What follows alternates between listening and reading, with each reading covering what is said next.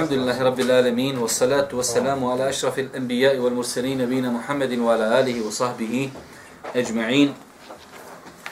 Vraću moja draga, četvrtak je od Akšan Lajacije naša ustaljena emisija, naše druženje, čitaonica u kojem se družimo već duže vremena i čitavajući različite knjige. Trenutno čitamo knjigu komentar 40 hadisa imama Nevevija od Šeha Irudna i Šeha Osmana.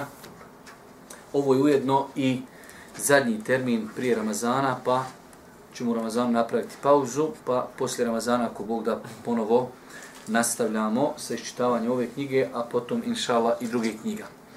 Večeras imamo jedan interesantan, izuzetno interesantan, mnogo, mnogo koristan hadis koji nosi u sebi doista mnogo, mnogo koristi. Pa ćemo e, kratko i rezimirano ga citirati da bi prešli odmah na koristi, pošto su znači, naši autori spomenuli dosta koristi.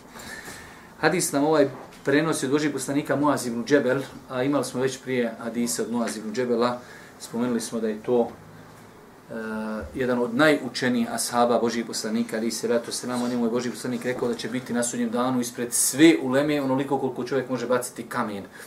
To je zasigurno veliki pokazatelj vrijednost Muaz ibn Džebela, radijallahu ta'ala anhu.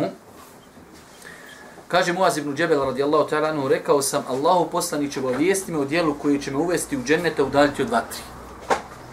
Rekli smo dosta puta da su ashabi bili zaista jedna generacija, možemo je nazvati čudna u smislu pozitivno. Evo možete ovdje sjesti, ne morate dok od vrata. Da su bili fenomenalna generacija, jednostavna generacija, bez filozofiranja, bez ičega.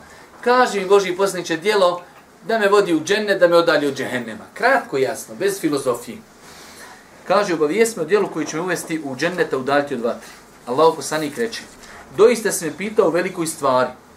Ne možeš pitati veću, veće pitanje. Najveće pitanje sme pitu. Daj mi reci dijelo koji će me uvesti u džennetu udaljiti od vatri. Nema da, ima li nešto vrijednije za, zašto bi čovjek mogao upitati? Nema, to je najvrijednije nešto. Pa kaže Allah poslanik, doista se me pitao velikoj stvari. Ona je lahka onome kome je Allah olakša. I vidite kako je interesantna stvar. Vidite nekad neke ljude koji su, evo možete vjerujem da imate nekoga koji je prepoznatljiv po nekom iba, evo post, naprijed neko ponedljak i četvrtak posti godinama. Nekome je se toliko teško na kantlja posti ponedljak i četvrtak. On to posti tako lako. Viš čovjeka svaki put petak, džuma, on je prvi saf. Neminovno. Ima čovjek, on se jadnik tri godine trudi da bude u drugom safu. Ne mere, baš on uvijek neće doliko od vrata klanja. Ali ovo mi Allah olakšao, jednostavno Allah Đelšanu mu olakšao, da li zbog njegove iskrenosti, da li zbog njegove dovi, da li, da li, ali, pa kaže Allah poslanik, to dijelo koje ti tražiš je veliko, krupno, Ali s druge strane, ono može biti i lako kom je Allah Đelešanhu olakšao. Kaže Allah poslanik, robuj Allahu, ne pridružuj mu ništa. To je temelj. I mi smo o tome mnogo, mnogo puta govorili. Robuj Allahu. Čovjek je stvoren da robuje Allahu. Wama khalaqtul jinna wal insa illa liya'budun. Ne, nisam stvorio ljude niti džine osim s jednim ciljem da robuju uzvišenom Allahu subhanahu wa ta'ala. I to je svrha stvaranja čovjeka. Obavljaj namaz, udjeljuju zekat, posti mjesec Ramazana i hodočasti kjabu. Pa je Allah poslanik ovdje šta vidimo, primjećujemo, spomenuo pet islamskih šarta. Muaze, hoćeš u džennet, pazi ovih pet stvari. Robuj Allahu, to je la ilaha illa, Muhammedu Rasulullah, obožavaj Allaha. Obavljaj namaz. Nakon što čovjek uđe u islam, to je najbitnija stvar, namaz, namaz, namaz. Daj zekijat, posti mjesec Ramazana i otiđi nahađa ako možeš. Zatim reče Allah poslanik, želiš li da te uputim na vrata dobra? Želiš li da ti, ovo, je, ovo su temelji, ali želiš li da ti još ja ukažem na neke situacije gdje ti možeš mnogo dobra zaraditi? Rekli smo da Allah poslanik, i to je jedna pedagoška metoda, Sjećate se onaj hadis kad smo ga navodili kada pitaju ashabi Allah poslaniće, možemo li mi abdestiti sa vodom morskom? Pa je Boži poslanik odgovorio, ali je proširio odgovor i danas je taj odgovor, iz tog odgovora proizilaze stotine koristi i, i, i koristi i pravni, a i životni.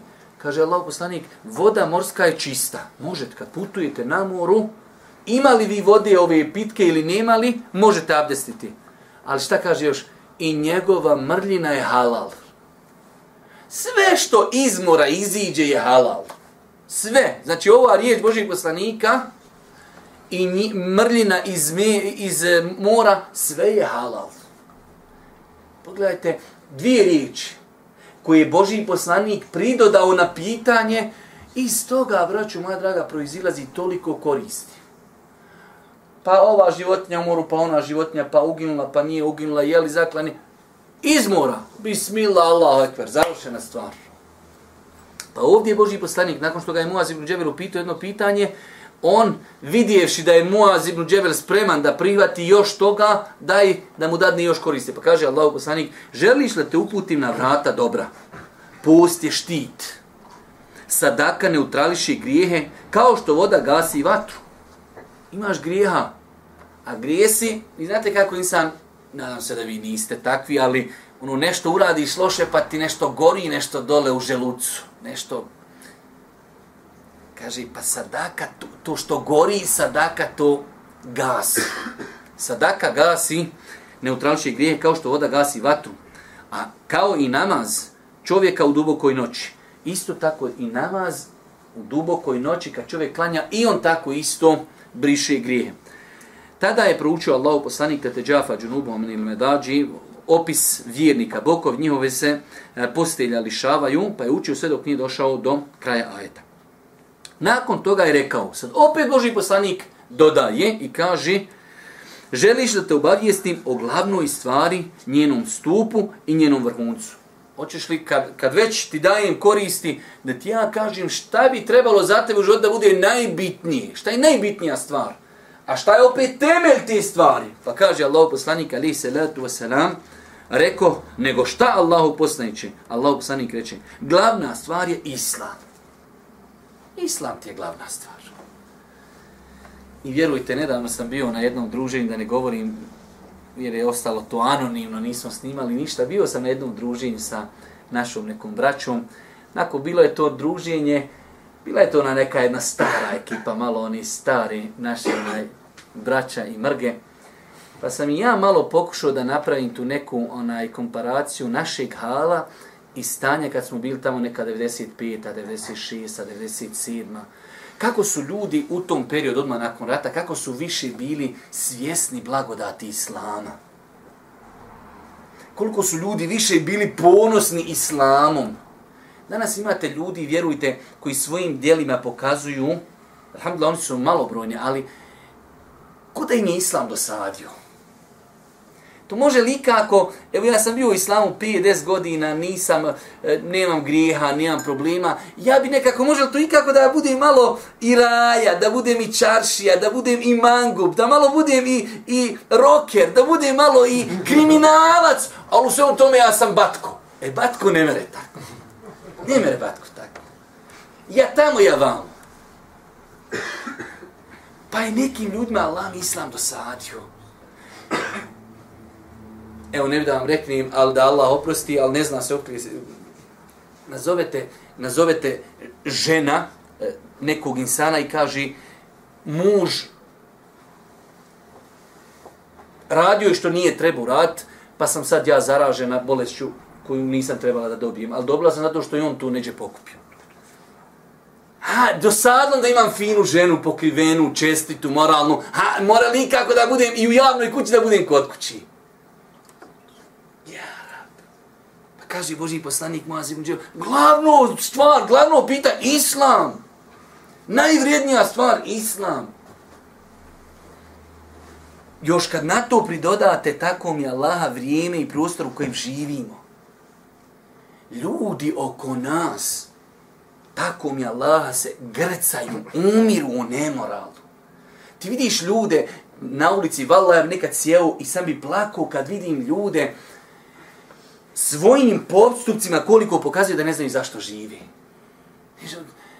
Omladina, to, on, on hoće da na sebe privuče neku pažnju, frizura, ušnja, on ušnjače, ušnja gura u usta, unos, koliko, ušnjake unosili, sam nosali ono uvijek bikovi, nikad to nije nosio insan normalan.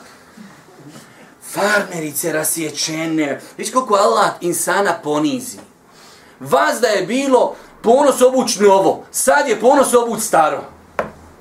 Kad ti Allah uzme zadovoljstvo iz duši, pa nisi zadovoljan novim, daj mi prljavo, daj mi pa daj mi da visi iz njega konci, daj mi da je... Neki ja gledam neku poslu sliku, farmerice, samo imaju ovi porubi, ništa više, to su farmerice. I prodaju se u prodavci, jarane moj. Ništa sam gori imaš, kajš, imaš porube, paša. I hodaš ti kao lafo, ti sad si neko i nešta. Ja, rab, ja, rab. Bitno je, ali pazi, taj insan ne zna zašto živi. Vidiš čovjeka, ofarbuo se pink boja. Ja, ali znaš šta je on? On ne zna šta živi. Idem ja bit neka najveća budala u Sarajevu da se svi za mnom okrenu. Ako se ofarbam u crno, ima crni, ima. Opa, pink nema niko. I on lafu ide kroz baščašiju, pink. I svi za njim. Ja, rabija divani. Ali nema veze što je on divani, ali bitno da je on jedan dan, on će sutra kolor šampon drugu boju imat. Sutra će biti kožda daždenjak, sutra će imat crno, žutu. Ali bitno loli da je frajer jedan dan. Allah mi je plako za tim ljudima. Ne zna se roma što živi. Kad je, kad je mlad, da mu da bude star. 13 godina daj cigaru. Crna mu kosa izvlači pramenove. Kad ostari, ima sad bijelu kosu. Sad, ne, sad hoću da imam crnu. Sad bi onda bude mlad. Sad dobio bore za tež lice. Kad je bio mlad, hoće da je star. Kad je star, hoće da je mlad. Pa gdje skontaj kućeš? Žene, koja je mršava, daj napuhiva i da je debela. Koja je debela, izvlači iz nje salo od neke mršava. Koga su vako uši, vežimo i vamo. Koga su vako, dajmo i vako. Neš, ne znaš šta ljudi više hoće.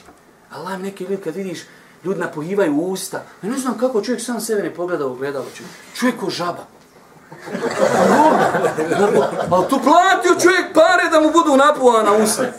Čovječe, ko da je gurno papuću u usta i voda spava, ali on lafu, on je, on je trend. Što se napuhalo čovječe ko, ko unutrašnja guma od bicikla. A ne znaš, valaj, ne znaš šta će on od sebe. Ne zna šta će od sebe. Ispuhivaj, napuhivaj, reži, plastične operacije, nema šta nema. Ne znaju ljudi zašto živi Allah. Ja bi plakao za tim ljudima. Bi Allah mi sve višnji.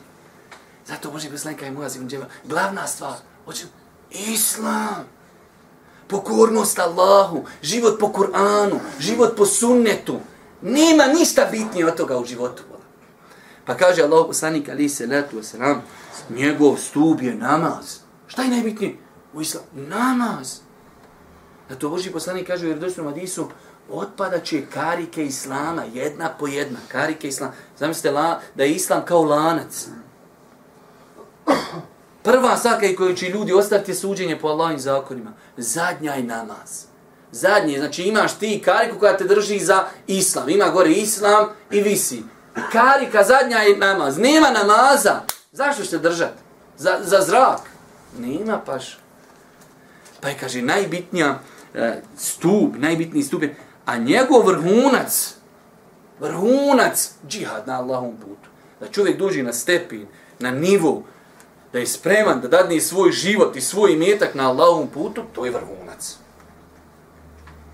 Pa kaže Allah poslanik ali se letu sram, zatim reče, hoćeš da te obavijestim o najvažnijim temelju svega toga, reko, nego šta Allah poslaniče. On se dohvati za jezik i reče, čuvaj ovo. Sad Boži poslanik, sve ovo što sam spomenuo, hoćeš da te sad sve rezimiram opet ponovo. Kaže, te reci, Moaz ibn Džebel. Kaže, Allah poslanik uzeo se za jezik. Čuvaj Moaz ibn Džebel ovu. U to vrijeme nema interneta, nema Facebooka, nema Whatsappa, nema Vibera, nema Facebooka. čuva jezik. Pa da čujemo šta kaže. Reko Allahu poslaniče. Pa zar ćemo i za govor biti pitani?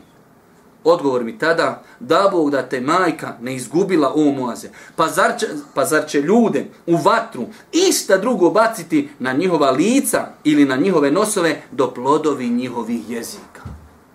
Oh. Moaz ibn Džebel zna on da je to problematično, šta prije, ali Kao zar je da je to na tom nivou, da je to srž islama? Kaže Allah poslanik, Muaze, ti to ne razumiješ i ne sataš. Zar će ljudi u džehennemu biti bačeni? Osim zbog plodova njihovih jezika. Pa ovaj hadis, braćo moja draga, znači bilježi ga imam Tirmizija, za njega je kazao da je Hasan, eh, uh, Hasanun Sahih. Imam ovdje ocjenu hadisa.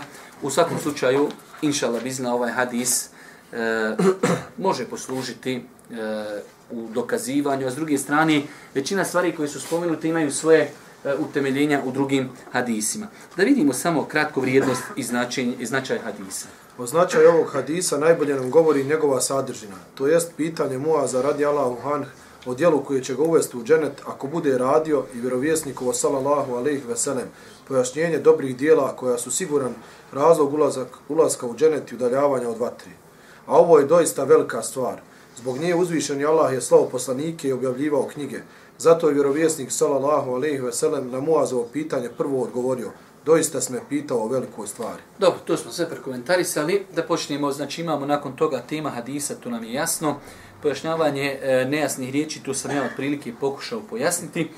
Komentar hadisa i vrijednost hadisa, to je od prilike slična stvar. Prelazimo na po, o, poruke hadisa. Broj 1. Hadis nam govori o velikom interesovanju ashaba za šariatskim znanjem. Mi smo o i dosta puta govorili da su ashabi e, kroz mnoge svoje, e, ajde da kažemo, postupke pokazali koliko su bili spremni žrtvovati na Allahom put kada je u pitanju postizanje nauke. Znači imate čak iako je to došlo poslije malo možda više izraženo kada je kada je došlo vrijeme skupljanja hadijskih zbirki da su ljudi zbog jednog hadisa putovali, ali je bilo ashaba koji su zbog jednog hadisa putovali iz Mekke u Medinu. Znači onaj, znate poznati hadis, kada je onaj ashab, kada mu je došla ona prosjakinja, crnkinja, pa mu kazala daj mi sadaku, pa oni joj nisu ništa dali, pa ona kaže, Pa kako mi nećeš dati sadaku, ja sam tvoja majka po mlijeku, ja sam zadojila i tebe i tvoju ženu. Ona je jadna tijela da spomene nešto na osnovu čega će dobiti sadaku. Nije znala da je na taj način razotkrila situaciju da živi čovjek, žena, znači čovjek i žena, oni su brati i sestra po mlijeku. Jadna, ona želila je hajr, ali napravila belaj. Pa je čovjek uzjahao u svoju devu iz Mekke i došao Božijem poslaniku i kaže, Allahu poslaniće, došla mi je prosjakinja i kaže, tako, zadojila sam i tebe i tvoju ženu. Kaže Allahu poslanik, prvo je okretao jednom, dva put glavu, na kraju kaže, a šta ćeš kad je već, kad je ta vijest, iako kažu neki komentatori ovog hadisa, nije njemu Boži poslanik naredio izričito da je pusti. Ali kaže, gotovo, ta, ta, ta vijest je se sad prošila da ti živiš sa svojom sestrom. Ali čovjek je zbog jednog hadisa došao na tolikoj udaljenosti. Pa su ashabi e, u mnogim situacijama pokazali koliko su bili e, znači privrženi znanju i koliko su precizno prenosili. Vi ćete nekada naći da, da, da za jedan samo izraz a sahabi su izuzetno pazili kako će pre, prenijeti od Božih poslanika, ali i salatu sam. Dalje. I sad Isa vidimo da su sahabi težili dijelima koje će ih približiti dženetu i udaljiti od džehennema. Definitivno, oni su bili najbolja generacija u tome. Znači, ne postoji bolja generacija koja je pokazala praktično kako su ljudi živjeli sav svoj život su počinili džennet i džehennem. Oni su sav svoj život počinili kako doći do dženneta i kako pobjeći od džehennema. Sve je u njih bilo počinjeno tako da su oni definitivno najbolja generacija e, u pogledu toga. Broj 3. Također, saznajemo iz hadisa da su ashabi za sve tražili usmjerenje i savjet od vjerovjesnika sallallahu alaihi ve sellem. Definitivno, dalje. Muaz ibn Džebel radi Allahu bio je najučeniji ashab u pitanjima halala i harama. I opet je on postavio ovo pitanje iz čega se zaključuje, da onaj koji traži znanje i onaj koji je mnogo učen mora i najviše težiti da se približi dženetu i udalji od vatre. Jedna lijepa korist. Znači, korist je ta, mi znamo Muaz ibn Džebel njegovu vrijednost. Ali da neko ne bi pomislio kao on nema potrebu za tim, ne, ne, on ima još veću potrebu, ima znanje i on tek svata koliko je bitno da čovjek strimi ka džennetu, odnosno da bježi u džennema. Tako da, iako insan ima znanja, on je možda i najprioritetniji da radi po tom znanju. Dalje. Hadis nam ukazuje na visoke ambicije i vrijednost Muaza ibn Džebela, Allah bio sa njim zadovoljan. Pitao je o stvarima ahireta i vjere, a ne o stvarima dunjaluka. Jasno. Pitanje Ibn Muaz ibn Džebela, Allah bio sa njim zadovoljan, veliko i značajno. Ono je tajna života na Dunjaluku, jer završetak svih ljudi i džina je ili u dženetu ili u džehennemu. Znači, zašto je nama poenta, odnosno zašto je ovo pitanje toliko bitno? Zato što to je kraj putovanja. Čovjek može završiti u džennetu ili u džehennemu. Pa samo postavljanje tog pitanja je toliko bitno zato što sve se na kraju završi, svi ćemo mi živjeti, svi ćemo mi umrijeti, svi ćemo mi polagati račun i svi ćemo završiti ili u džennetu ili u džehennemu. Pa je bitnost toga tolika da ćemo mi svi tu negdje završiti. Ili tamo ili vamo. Pa svi od toga imamo korist. Dobro. Učeni ljudi moraju biti uzor drugima, zbog čega je Muaz postavio ovo pitanje. Dalje. Učena osoba koja ne bude svojim znanjem tražila ulazak u dženet i zaštitu od vatri, uzoholit će se i skrenuti s pravog puta. Definitivno. Hadis ukazuje na postojanje dženeta i džehennema, oni su vječni i nikada neće prestati. Ne samo znači da je džennet i džehennem da su vječni, da neće nestati, čak šta? Džennet i džehennem su sada stvoreni. Boži poslanik vi znate na vjerodostan hadis da Allah poslanik kaže kada je uzvišeni Allah stvorio džennet i džehennem. Govori Boži poslanik o prošlosti. Kada je Allah stvorio džennet i džehennem. Tako da je to jasan dokaz, pa je slao Džibrila da vidi džennet, pa da vidi džehennem i tako dalje. Postoje mnogi drugi, postoje mnogi drugi argumenti koji jasno ukazuju da je džennet sada već i džehennem stvoreni i da, da, da, da će vječno ostati definitivno. Ulazak, ulazak u dženet je uslovljen praktikovanjem pet temelja Islama. Vidjeli smo, vi ako hoćete ugasite klimu, a otvorite vrata. Ne,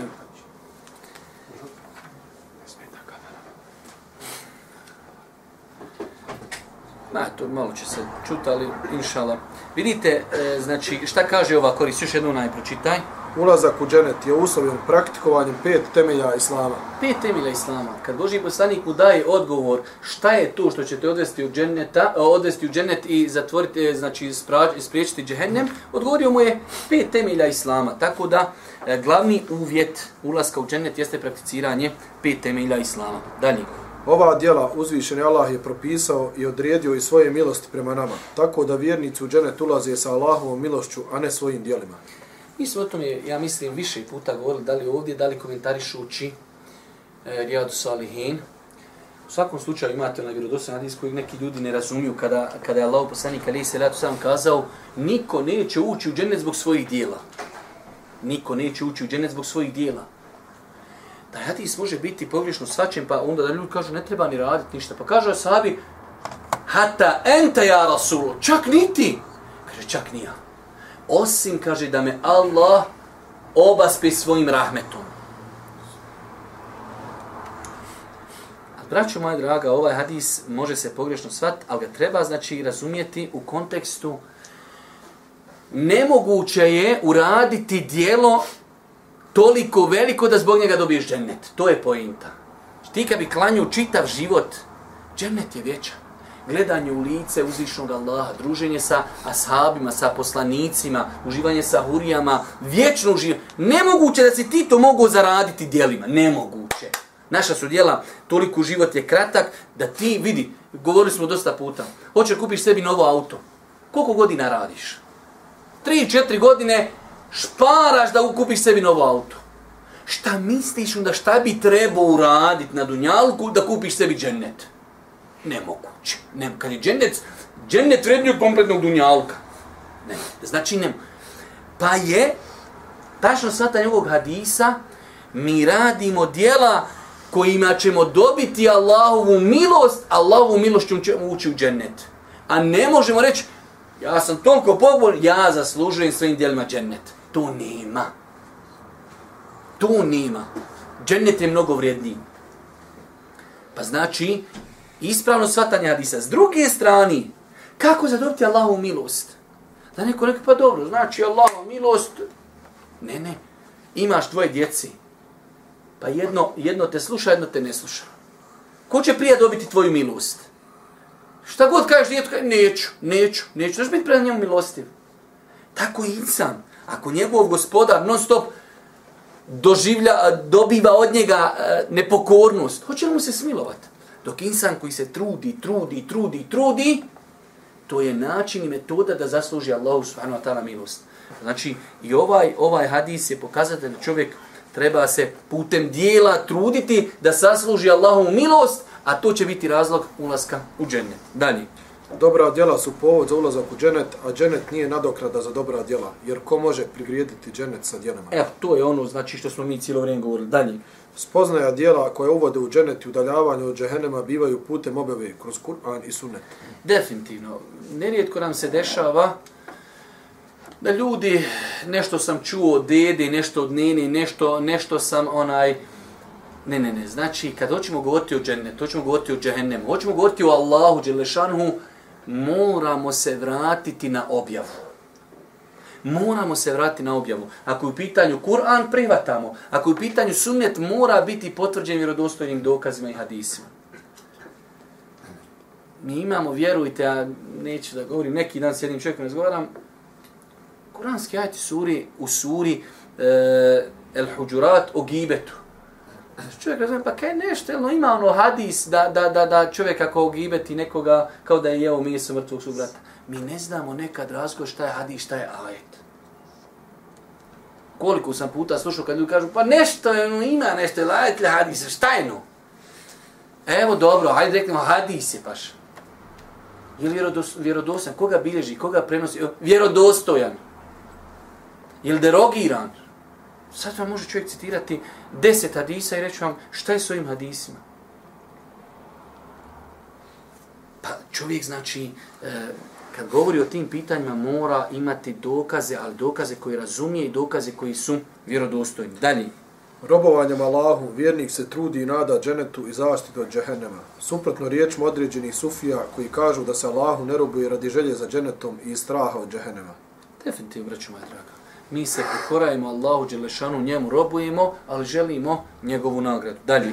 Djelo za koje je pitao Muaz ibn Džebel radi Allahu an, iako je veliko, isto tako je olakšano onome kom je Allah olakšao. Znate li vi koja, bar vi ste možda malo mlađa raja, ali kod nas sam je bila prija naj, naj, naj neka prva dova koja se nauči u životu šta? Rabi Esir.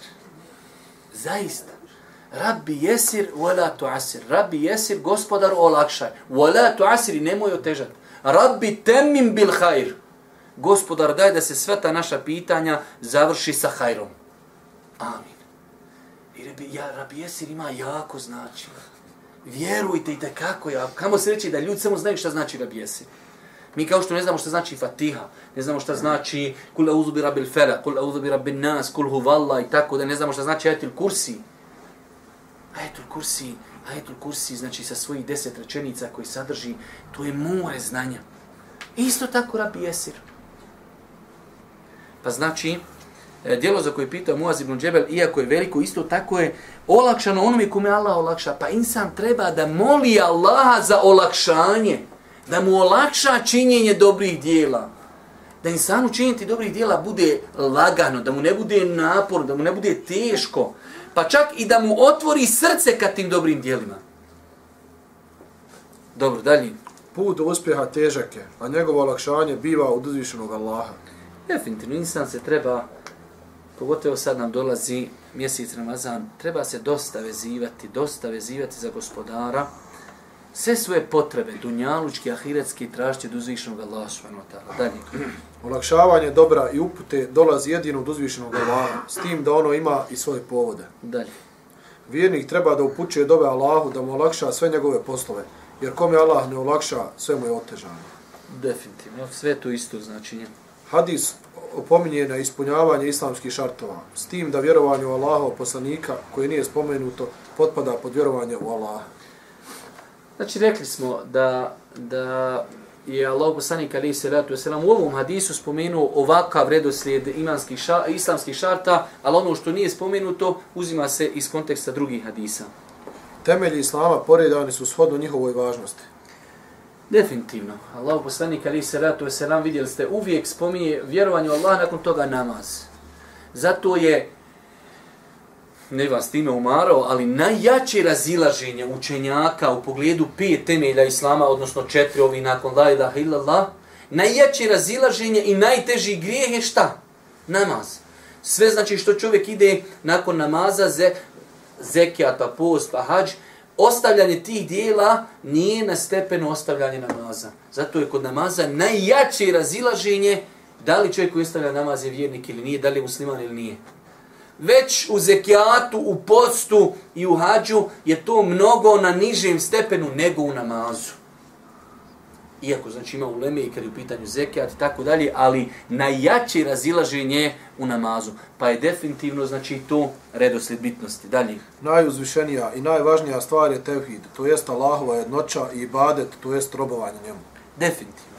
Najbitnija stvar jeste ispravno razumjeti, shvatiti ko je gospodar, Allah subhanahu wa ta'ala, mi smo o tome, e, iako ja sam o tome jednom ovdje govorio i mogu to opet ponoviti, mi kad govorimo o Allahu Đelešanu i kad govorimo o njegovim svojstvima, ne stavljamo naslov da govorimo o tome, ali neprestano kroz svoja predavanja govorimo o Allahu, o robovanju Allahu, zašto smo stvoreni, ko je gospodar zemlje i nebesa, ispravno vjerovanje obuhvata četiri stvari i tako dalje. Neprestano o tim stvarima kroz svoje tribine, kroz predavanja, neprestano govorimo, forsirajući tu stvar, čovjek je stvoren da robuje Allahu Đelešanu, najbitnija stvar je vjerovanje u Allahu subhanahu wa ta'ala. Dalje. Najveći grijeh u islamu je širk, to jest pripisivanje Allahu sudruga. Suprotno, znači vi sjećate se kad smo govorili u onom hadisu, kada Allah poslani kaže, e, kada bi ne, kad neko od vas ima spolni intimni kontakt sa ženom, ima seva, pa ga oni, Allah poslaniće, pa zar intimni kontakt, kaže Allah poslani, a šta ako bi to uradio na haram način?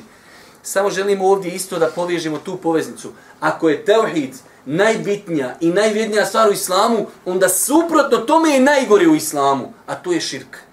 Pripisivati sudrug, sudruga uzvišom Allahu subhanahu wa ta'ala najveći grijeh, inna Allahe la jagfiru an yushraka bihi, wa jagfiru ma dune dharike mi ješa, Allah nikome oprostiti neće da mu pripiše sudruga. Šta se time misli? Misli se da insan umri i činio je širk. Allah će oprostiti širk. Nekad ljudi imaju problem da shvati ovaj ajet. Sjećam se nekad davno, dok sam bio u Sanskom mostu, braća nazvala, hoće li Allah oprostiti nekom i širk? Ako se pokaju. Normalno da hoće. Kako bi čovjek primio islam onda? Čovjek čini širk, govori da je Allah jedan od troje. Trojstvo. Primi islam, Allah mu primi pokajanje. Pa se ovaj kuranski ajet odnosi da čovjek umre, a nije se pokajao od širka. A čovjek učinio širk pa se pokaje. Allah je će ćemo oprostiti. Ali da čovjek umri i nije se pokao od širka, nema to. To znači inna Allah la yaghfiru. Allah neće nikom oprostiti. Wa yaghfiru ma dune zalika liman yasha. A ono što je manje od toga, oprostit će kom je hoće, pa makar se taj neko i ne pokaju. Ali kom je hoće. Ali širk ne dolazi Allahu sa širkom bez pokajanja. Dalje.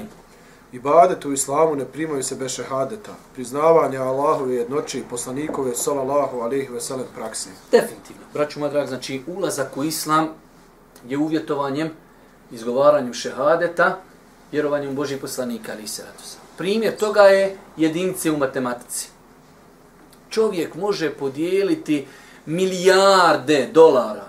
To su samo islamu nule, kojima fali jedinica jedinca je la ilaha illallah Muhammedu Rasulullah. Kad dodaš, imaš jedincu i onda dodaješ nule, šta? Sve veći broj. Ali dodaješ nule, nako, dijeliš, dijeliš a nule. Nema, ništa, baloni, prazno. Pa la ilaha illallah je uvjet da bi čovjekova ostala dijela bila primljena.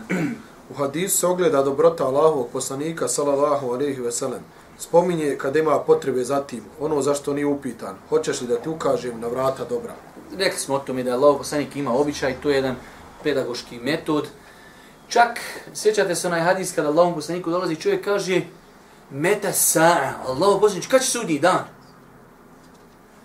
Nekad je od mudrosti da čovjeka, da čovjeku i ne odgovoriš, ali da mu kažeš nešto što je za njega bitnije. Dođe ti danas čovjek, ja znam kako ima ljudi, dođe, e znaš, de ti meni samo ovo pojasni? Šta se ovo dešava dole u Siriji? Šta se dešava u tebe u glavi, paša? Aj to da počnemo. Šta se dešava u kući? Šta se dešava u čaršiji? E de ti sam meni ovo kaj pojasni? Kaže, e, slušaj, paz da ja tebi kažem što. To što ti pitaš to je stvarno veoma bitno. Ali ima jedna druga stvar. I onda, on samo, tu što ti gruvaš. A gde ti meni reci to? Ja danas bio nekim povodom u bolnici i sad takvi smo mi. Znači u nas, u nas osnova je ne nam ništa. U nas ne ništa u državi. Iako Allah nam je dao, počastio nas, da živimo tolike nijamete i bla, ali u nas ne ništa, jer smo mi narod koji samo kritikuje. I sad mi smo došli nešto ono standardno, hitan tamo slučajno na odjelu, ne izlaze oni standardno nude da uzmu knjižice. Tamo čovjek umiri. Kod njega se cijeli odjel strko i sad standardna ona odna počinju u komentari što i nema, kasnije gore, dole, tamo, vamo. Svi ne veljaju osim mi. A to je gore oko onkologija, znate da je to oko rakova i ti ostali onaj ribarski onaj Ja nakon njima nakon malo rekao, ma, mi rekao sve, rekao neko drugi kriv. Rekao, ljudi, duhani po 60 godina i onda ovdje dođe, e, da me zrači, da mi ovo, da mi ono. paša, što se nisi zračio, što nisi ostavio. Dođe čovjek, grlo mu, izvadli mu grlo, nema pluća, ošu, ne, oni ko koš, oni ko sepet, prazan, svega ga pojelo. Daj mi da je zapalim. I krivi su ovi što kasnije 5 minuta što nisi prilili knjižicu. Nije dobro ni bubliga, ni jete, svega ga pojelo, puše kroz njega ko kroz berač, kroz sepet. Ali ne, kasnije ovi problem. Nismo rekao problem. Ne čuvamo svoje zdravlje. Pa je, nešto bi odgovorili, staš odgovoriti, svi znaju da je tako, paša. Ali je bitno sam nekog drugog kritikovati. Ali je bitno nekog drugog kritikovati. Hadis ukazuje na vrijednost namaza, zekata, posta i hađa. Definitivno. Znači, dok je Allah poslanik spomenuo da su to dijela koja vode i ka džennetu, e, odaljavaju čovjeka od džehennema, definitivno to ukazuje na vrijednost tih dijela. Post je zaštita od zla i Allahove kazne. Stoga onaj koga ne zaštiti njegov post, taj nije postio kako treba, njegov post je bio manjka. To je jedna tema koju treba dosta obrađivati sad u trenutno, znači stani kad nastupa Ramazan. E, nerijetko nam se dešava da mnogo, mnogo, mnogo ljudi doživljava taj post samo kao gladovanje. Zaista. Tako ljudi doživljavaju. E, jednostavno, e, to je praktično dokazano i onda malo je ljudi koji govore protiv toga. Sporedna je stvar gladovanje. Post treba da poluči mnoge koristi na čovjekovom ponašanju. Kaže Allah poslanik, rubba sajmin, ima kaj mnogo postača koji nimaju ništa od sugu, ništa, samo gladan. On je kod Allah ispunio postio je ono u smislu, eto, od sabaha do akšama nije ništa jeo. Ali ništa, on u tom vremenu i prije posta i posle posta isto. Gleda filmove, gleda si, serije, psuje, vrijeđa, laže, sve živo, ali kaj postim. Ne posto, reci, postim stomak. Postim stomak i to je to. Usta mi ne poste, oči mi ne poste, uši mi ne poste, srce mi ne posti. E tako lakše kaj postim stomak. To je puno preciznija e, definicija. Pa čovjek treba da čita knjige islamske učenjaka šta su kazali o mudrostima posta, zašto je post propisan, kako, se, kako je postio Božji poslanik. Zar nije Božji poslanik rekao kada vas neko uvrijedi, šta ćemo reći? Aj na sajm, ja postim. Možda da nije post, možda bi ja nekako nešto i rekao, paš, ali postim. Ne mere, ne mere, ne mere u postu nikako da se svadimo. Da post ima jednu e, posebnu dimenziju. Znači, e, ciljano je la'allekum tattaqun da bi se povećala vaša bogobojaznost. Dalje. Sadaka, to jest udjeljivanje i noćni namaz brišu grijehe, pa samim tim hadis nas i potiče na sadaku i noćni namaz. Definitivno. Uvijek kada imate u nekom hadisu e, korist nečega, samim tim je to podstrijek. Ako Allah poslanik kaže u hadisu da sadaka i noćni namaz briše grijehe, to je nama podstrijek da imamo udjela u noćnom namazu i da imamo udjela u udjeljivanju sadaki. Grijeh pri sebi ima vrelinu. Kao što je došlo u hadisu, sadaka gasi grijehe. Tako da osoba zbog neudjeljivanja obavezne sadake biva kažnjena vatrom. Voda u sebi sadrži hladnoću i zbog toga je vjerovjesnik sallallahu alejhi ve sellem u hadisu poredio sadaku s vodom koja gasi vrelinu grijeha. Govorili smo to i dalje. Ovdje je uočiva ljepota poslaničkog podučavanja koje se ogleda u navođenju primjera. Allah poslanik, i to je jedna od njegovih metoda, nažalost, e, u velikom broju slučajeva kod svih nas zapostavlja, navođenje primjera. Je dosta puta ljudima kada navedeš neki primjer, čovjek možda sluša, sjedi sat vremena ders i onda iziđe, zar sam zapamtio ono što si naveo kao primjer. Sve ostali stvar zaboravi. Pa je navođenje primjer, zato pogledajte Kur'an znači koliki dio Kur'ana, neki kažu trećina, ali nije trećina, ali velik dio Kur'ana su kazivanja. Kazivanja, navođenje primjera. Koliko, na, na koliko mjesta u Kur'anu Allah žeš, i navodi Allah primjer toga. Allah navodi primjer mušice. Allah navodi primjer, Allah navodi toliko primjera. Pa je navođenje primjera, navođenje primjera je jedan, e, znači, e, pedagoški metod e, koji čovjek treba da koristi kada je u pitanju obraćanje i komunikacija s ljudima. Dalje. I ovdje vidimo veliko odgojno i obrazovno pravilo u obliku pitanja. Da li želiš da te obavijestim? Dalje. Postepenost u podučavanju ljudi je jako važna. Ljude treba podučavati prvo osnovama i temeljima vjere, a potom propisima koji upotpunjavaju te osnove i temelje. O tome smo puno puta govorili, mislim da, da ako ste išta kod mene naučili na ovim predavanjima, da je to, ja sad koliko to praktikujemo, koliko ne, to je druga stvar, ali definitivno e, u toj nekoj, nazovemo je, upali imana u početku, kad se čovjek vraća vjeri, pa ovo zapamte danas, kad se čovjek vraća vjeri, pogotovo kad ima primjer radi, evo uzmite nekog omladinca, počeo da se vraća vjeri. I onda on, rećemo da dnevno možda posluša dva predavanja, jedno to je njemu drago, interesant, čita knjige. I on napreduje. Onda on, one neke pojedinosti koje nađe na tim desoma želi da precrta na svoju mamu i na babu i na sestru i na komšije. A on ne, ne osjeti da je on napredovo, da je on otišao visoko. On samo one plodove hoće da od njih traži. Nemoguće, oni to ne znaju. I mi tu griješimo. Evo, možda čovjek godinu dvije sluša predanje kaže neću više konzumirati duhan. I on sutra dolazi i babi tup duhan. Brate, preskočio si nešto. Jesi ti prvi dan to ostavio? Ne. Trebalo ti dvije godine to ostaviš. Kontinuirano grada. I ti to odjedno hoćeš od babi. Nemoguće. Pa je veoma bitno da čovjek pazi ako već ima neki proces svog sazrijevanja, da dopusti i drugima da sazrijevaju. Mi sazrijevamo i onda od drugih hoćemo da sazriju kao i mi, a nisu prošli proces. I šta dobiješ onda? Dobiješ ono, onaj crveni paradajz koji je samo napuhan. On, on nije, nije to paradajz, ali njega nekom dao inekciju, on sinoć bio zelen, na sabahu crveni, kaj je dobra paradajza, paša zelen, samo ga ufala, ono, ono, ono, E, to ti je taj insan. Ti hoćeš od njega da je crven, dao si mu inekciju. Ne može. Mora proći proces. I druga stvar, zapamte večeras, možda će vam ovo nekad u životu trajati, e, trebati. Velik broj ljudi koji zanemaruje proces sazrijevanja, dosta puta posusta u životu. I dosta puta crkni, da reknimo tako. Imate ljudi koji hoće, to zamisli sad, ja ne, ne razumijem se u dizanje tegova, ali evo, danas si počeo dizati tegova, možeš podići 80 kila. Ti hoćeš za 6 dana da digneš 250, ne mreš paša, dobit ćeš ne kilu, dobit ćeš kilu na očima, na ušima, svuti ćeš puknuti. Šta treba? Vremena, vremena. Tako insan koji hoće brzo da sazrije, počeo klanjati prekućir.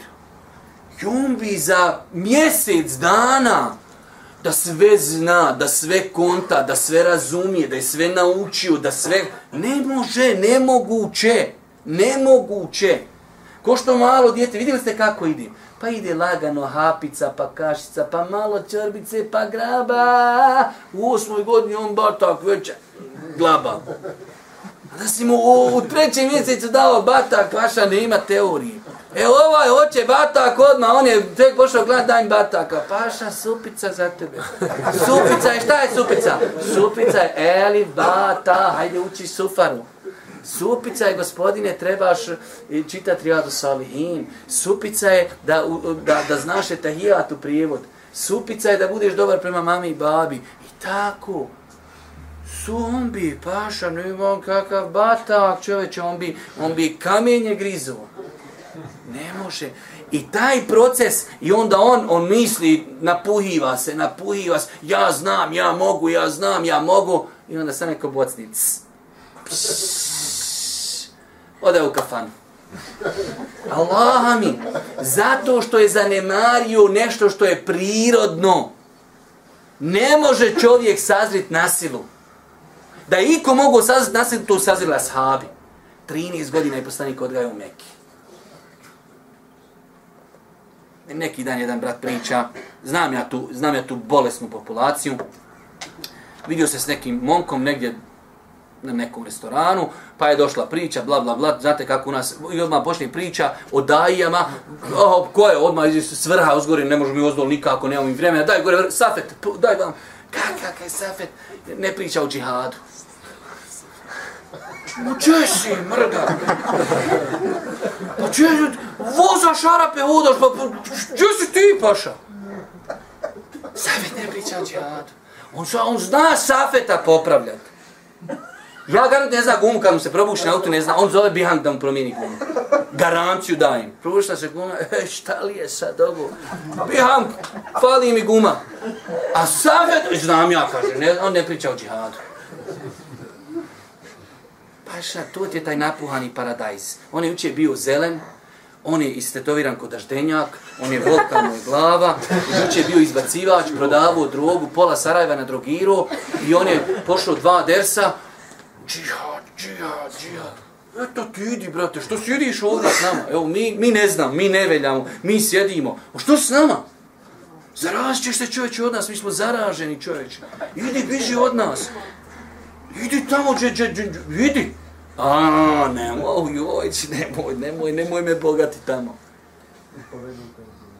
Sve na, kad je ovdje se pucalo, gdje se trebalo pucat, bio si u Švicarskoj. Sad kad ovdje treba širiti islam, sad ti ovdje opet, pa sve kontra, uvijek u jednosmjernu. Svako vrijeme ima šta treba u njemu raditi.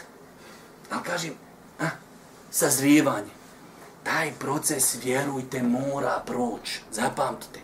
Kad god vidite čovjeka da brzo sazrijeva, ili se kad imate malo djete brzo deblja, u, do, hm, ha, ujaznost, pa, brzo se deblja, taj se brzo deblja, paša.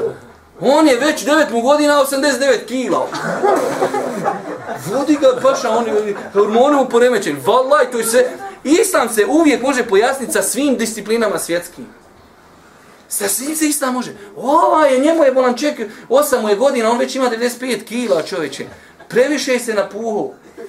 Mora biti proces sazrijevanja. Kad god vidite čovjeka da nije sazrio, znajte da taj čovjek napravit će belaj, napravit će probleme i pitanje dana kad će, kad će to sve ostaviti. Hajde dalje. Hadis jasno govori o Allahovoj dobroti i milosti prema njegovim robovima. Otvorio im je mnoga vrata dobra kako bi stekli njegovu nagradu i oprost grijeha. Maša, dalje. Iz hadisa se uviđa i vrijednost izvršavanja dobrovoljnih ibadeta nakon obavljanja strogo obaveznih ibadeta. Definitivno, mi o tome non stop govorimo. Ljude prvenstveno treba pozivati da obavljaju farze.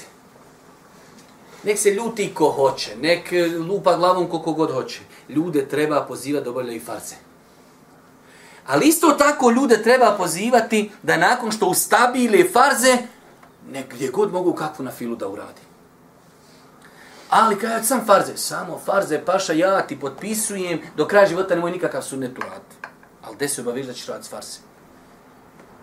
Pa ljude treba pozivati u činjenje farza, a kad se ustabile u tom i kad to svate, gdje god mogu na filu da uradi, da li od namaza, da li od posta, da li od zekijata, da li hađa, da, bilo gdje koju na filu, dadi ali da nam prvo ustabili farze. Dalje.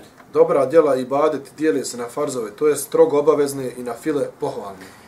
To je, ovo je jedna školska korist, ali nažalost velik broj to ljudi kod nas ne zna. Kod nas imate svakim danom ja o tome moraš, neko mi se popni nakosti na Facebooku, pa žao mi sve blokirati, ja, ja puno blokiram, tu sam brz na okidaču, sam puf, banujem i samo dovim za one što su izmislili dugme banovanje. Ali nekad počneš s ljudima razvoj, a to ste vi oni što izlazite iz džamije. Neki dan sam s jednim čovjekom dopisivao se oko ti neki onaj razlika mesepski. Nemoj rekao, paša, sam da na kraj bude Allah, da ne klanja šedovno, a mene si ovdje ufati u cijedite, da li neko izlazi iz džami ili ne izlazi.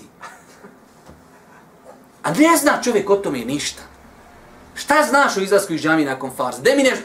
Ja ga nisam tako naučio. E, to je najveći problem. Sve što nisam ja naučio, to je greška. Ja studirao informatiku 96. Ja, ja kad sam išao u srednju školu 92 e, kad smo tada tek izmislio se predmet informatika. DOS, ne znam ja, oni stari programi, to je, ma kompjuteri bili čoveče, i sad ja, ja sam studirao informatiku 92. Poša, preglazlo te vrijeme, halo, halo, preglazlo te vrijeme. Hajde, da, dobro, idemo dalje. Dokazivanjem govora Allahov poslanika sallallahu alejhi ve sellem plemenitim Kur'anom iako je Kur'an njemu objavljen. Bokovi njihovi se postelja dešavaju. Opusto je nama da i mi to činimo u svojim govorima. Samo gore da se kratko vratimo, da ne ostanemo nedorečeni kada je u pitanju farz i razlika. Veoma je bitno da čovjek zna šta je farz, šta je sunnet. Definicija farza, dijelo koje uradimo, imamo sevap. Ako ga ne uradimo, bit ćemo griješni. Sunne definicija dobrovoljnog ibadeta, ako ga uradim, imam sevap. Ako ga ne uradim, neću biti kažnjen. Da se mi toliko ježimo na omladinu koja ne klanja nikako koliko se ježimo na omladinu koja iziđe nakon farza. Čovjek klanjao farze. Ma brate, e, iza na glavi hodaj. Na rukama izađi iz džamije. Nakon selama, selam, alik, selam, odmah izleti. Alhamdulillah, klanjao farze. On vidi dole ovoga, drogira se, sjedi, nargila, puš. Ne, dobar je, neka ga. Ne izlazi nakon farza, najbitnije nam. Šest didova u džani sjedi, ali neka, nemoj nas, molim vas da dođe nam sedmi, šta ćemo sa njim? Sam rekam nek izlazi iz farza. To Allah mi, znaš šta, to šetan doda lijevak svom šetan da on tebi doda da ti gledaš ovako kroz lijevak. Zar, a ne zna, on najosnovnija stvar. Najosnovnija stvar. To isto da kažeš, ja ne znam šta je razlika između kilometar i metar. Tu je nešto, ima i slovo M jedno i drugo. Tu je neđe, šta mu ga ja znam šta je. A ovo paša, kilometar i metar. E to je njega, ovo klanjam sve sunete, ovo su farzi. Pa šta je šta? Ma ne znam šta je, sve moram klanjati gotovo. Ja trebam trčakaj stazu od neki 300. Pa čega? Metara ili kilometara? Ma ne znam, nešto je sa M. Pošto odletiš do Afrike, čovječ, istrcaš noge. Pa ne znam kaj nečega je 300 leti. To ti je ovaj, kaj... Trebam klanjati sunete pa farze. Pa šta su suneti? Ne znam, sam moram i klanjati. Ili ću klanjati kaj selni, ići klanjati ništa. Sunneti dobrovoljno, dobrovoljno, dobrovoljno. Uradiš, imaš sam, ne uradiš, neće te Allah pitat. Ne, ne, ne, ne. Samo nemoj izlaz posle farsa. Dalje. Allahov govor utječe na svakog. E, te preskačemo, idemo na 39. Glavna stvar Dunjalka, Hireta, Islam sa kojim je izaslan Allahov poslanik sallallahu alaihi wa sallam. Definitivno, tu smo govorili. Stup Islama je namaz, a građevina ne biva osim sa stubovima. Stup Islama je namaz. Stup Islama je namaz, a građevina ne biva osim na stubovima. Boži poslanik je zato rekao onom hadijsku kojeg smo na početku uzem, bunijel Islamu ala hams. Islam je sagrađen, bunije. Ta riječ u arapskom znači graditi nešto. Islam je izgrađen na pet temelja pa je spomenuo oni pet temelja. Znači, jedan od tih temelja je namaz.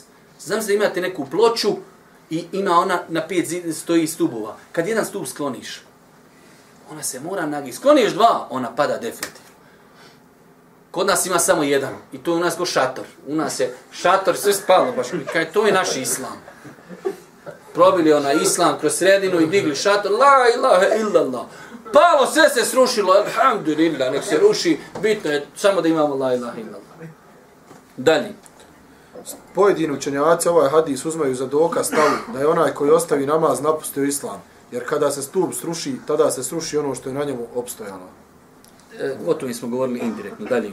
Vrhunac islama je džihad, to jest borba na Allahovom putu. Vrhunac islama znači da čovjek se toliko odgoji. Pazite, e, sad je o tome e, da reknem, malo nezgodno pričat, jer ljudi to, to ne razumiju. Dođe ti čovjek koji, koji ne može se riješiti gledanje Sirija. Ne može se riješiti duhana. Ne može čuvat svoj jezik.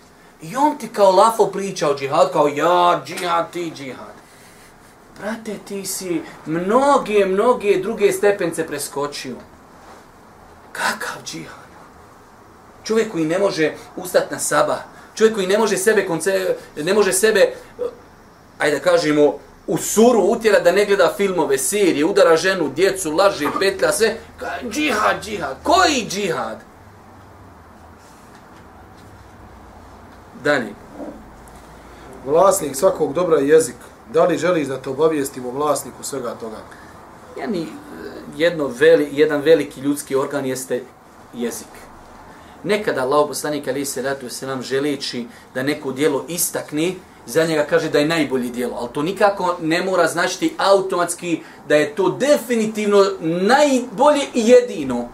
Ali jednostavno, u datom momentu, kada Allah poslanik ocijeni situaciju shodno onome što čovjek pita, njemu kaže ovo je najbolje dijelo.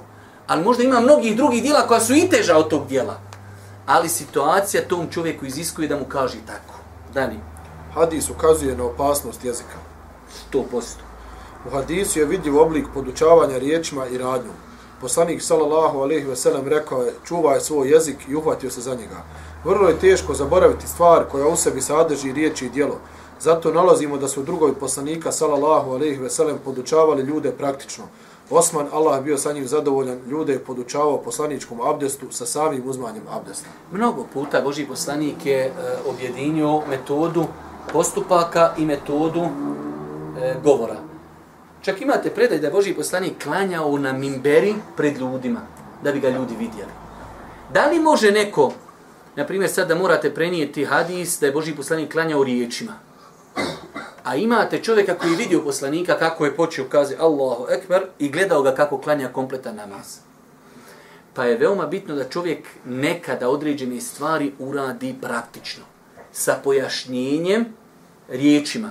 To ostavlja mnogo, mnogo veći trag. Znači, Boži poslanik Ali se ratu se nam mnogo, mnogo puta je tu metodu koristio. Dalje.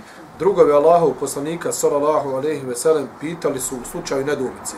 Muaz radi Allahu an pitao vjerovjesnika sallallahu alejhi ve sellem: "O Allahu poslanice, zar ćemo biti pitani za ono što smo govorili?" Prošli put smo o tome govorili. Znači, prvo mu je postavio pitanje, pa mu poslanik odgovorio, a onda je on imao nedoumicu. Pa kaže, Boži poslanik ukazuje na bitnost jezika, ali Muaz ibn Džebel ima nezik, Allahu poslanice, zar ćemo odgovarati za ono što kaže naš jezik? Nedoumica, bolje da čovjek to sad riješi, nego da ode i da mu je to pitanje nejasno. Pa znači, e, nema smetnje da čovjek ako ima neku nedoumicu, priupita, da mu se to pojasni. Dobro. Dozvoljeno je reći određene riječi koje se ne ciljaju. Izgubila te majka, o Muaza. Prijetvodne riječi svojom spoljašnošću ukazuju na dovu, međutim njima se ne cilja rečeno, već posticaj na ono što dolazi poslije, to jest čuvanje jezika. Dobro, imate, i kod nas imate neke stvari, koji čovjek kada rekne, kada bi bukvalno gledao jezički značenje ti riječi, one su onako malo poteške. Ali je to fraza. I kod Arapa imate nekada fraze, jednostavno i fraze, ja lično sam, ja lično sam pobornik da se fraze ne prevode bukvalno. Fraza se prevodi, po mom nekom skromnom, skromnom mišljenju, shodno e, podneblju naroda kako to odgovara njihovom jeziku. Imate onaj poznati hadis i garantujem da možete naći možda deset raštih prijevoda kada Boži poslanik kaže ženu udaju četiri stvari. Udaje to, uradi to, kaže Felfar bi, felfar bi zeti din teribet jedak. A ti odaberi vjernicu i onda razilaženje postaje.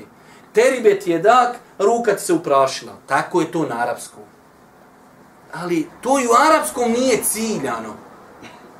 To i u arapskom nije ciljano. U nas, kad ti neko sad rekao dođe ti Arab i ti kažeš ja pojde kolac, sjede i ko blinti šamar. I ti sad njemu, haj ti njemu prevedi šta je, kako je tebi sjeo kolač. Pa kaj ti njemu prevedeš ono jezički, sjeo mi je ko blinti šamar. Jeste veli sjeo, pravo Ne konta, fraza se ne prevodi. Jes mi bio dobar, prevedeš, jes mi bio dobar kolač. Plijenti šane u petra i neće čovjek ništa skontat, sto posto fraze se ne prevodi jer one jednostavno se uklapaju u kontekst. Može i poslanik kao ruka se uprašila. Ti uzmi kaj vjeruc ruka se uprašila. To, a imate ljudi koji tako prevodi taj hadis. Ti kaže, uzmi vjernicu, ruka se uprašila. Sad neko čita, ti koliko... šta li me ruka, šta je uprašila? Dobro, ovo ne moram ni sad, idem dalje. Prevedeno to te kod da ti Arab prevodiš ovoga sa šamarom. Dalje. Stanovnici džehennema bit će prevrnuti na njihova lica ili nosove u džehennemsku vatru. Osoba se prijetešno brani od patnje i vatre svojim rukama. S tim da stanovnici džehennema to neće moći jer će biti okovani. Pa će njihova lica dohvatati i pržiti džehennemska vatra. A to je ujedno vrhunac poniženja jer je lice osobe predmet počasti. Imamo jedan veliki problem, džabaj, koji definitivno ukazuje na slabost našeg imana, a to je da Nekada čujemo hadise o džennetu, čujemo o džehennemu i ne ostavlja to velikog traga na nas. Ebu Hureyre radijallahu ta'ala kada je tijelo prenositi hadis u kojem govori o trojici koji će prvi biti bačeni u džehennem, pa u nesvi zbog toga. Ima u rivajetu, kaže, de nam prenesi jedan hadis od Božih poslanika. Kaže Ebu Hureyre, čuo sam Allahu poslanika da kaže i padne u nesvijest pa ga probude, bukvalno vrati se, znači svijesti, kaže čuo sam Allahu poslanika da kaže i padne u nesvijest. Tri puta i onda kaže čuo sam Božeg poslanika, kaže prva trojica koja će biti bačena u vatru, jedan, dva, tri. Pa nerijetko se nama dešava, čujemo, bit će čovjek e, bačen u džehene zbog njegovog jezika. Dobro, to sam čuo, sad izlazim i odmah ja na Facebook i moj jezik udara šta radi, šta hoće. Ne ostavlja traga na nas ono što čujemo nije nam dovoljno zastrašivanja džehennema, niti nam je dovoljno posticanja džennetom. Dalje, zadnja stvar. Velika pažnja prenosioca hadisa prilikom prenošenja samog hadisa. Stanovnici džehennema bit će prevrnuti na njihova lica ili nose u džehennemsku vatru, iako nije velika razlika između lica i nosa. Znači, koliko su ti hadijski učenjaci bili precizni kada prenose, pa čak i ashabi, znači on ovdje ne zna šta je poslanik tačno rekao. Kaže, stanovnici džehennema će biti prevenuti ili na lica ili na nos. Ali ako si prevenut na licu, ti si prevenuti na nos. Ali on spomenuo oba dva termina jer ne zna kojeg je poslanik rekao. Koliko su bili precizni, iako jedno i drugo je bukvalno istog značenja. Ali e, to je blagodat velika, odnosno odlika ove vjeri Islama, da je njen i sunnet, onako kao što je sačuvan Kur'an, sačuvani sunet Božih poslanika, to je nešto što nema nigdje drugo osim u islamu, da imamo danas, nakon 1400 godina, govor poslanika da se smijemo stotinu, hiljada puta zakljesti da je baš tako poslanik Ali Selam rekao. Otvoriš Buhariju i kažeš, e ovako je rekao Boži poslanik. I ti danas kao ne Arab, u Bosni naučiš hadis men ahdefe fi emrina hada ma lejse minhu fahu red, znaj da je to rekao Boži poslanik. Sto posto velika blagodat koju nažalost u velikom broju slučajeva nismo svjesni. Molim Allah Đeršan da nas uči na putu istinu, molim Subhanu Atana da budemo milosti na sudnjem danu. Znači ponavljamo ovo je naše zadnje druženje. Inša Allah, tokom Ramazana pravimo pauzu. Biće te blagovremno obavješteni kada počnemo nakon Ramazana sa čitavom onom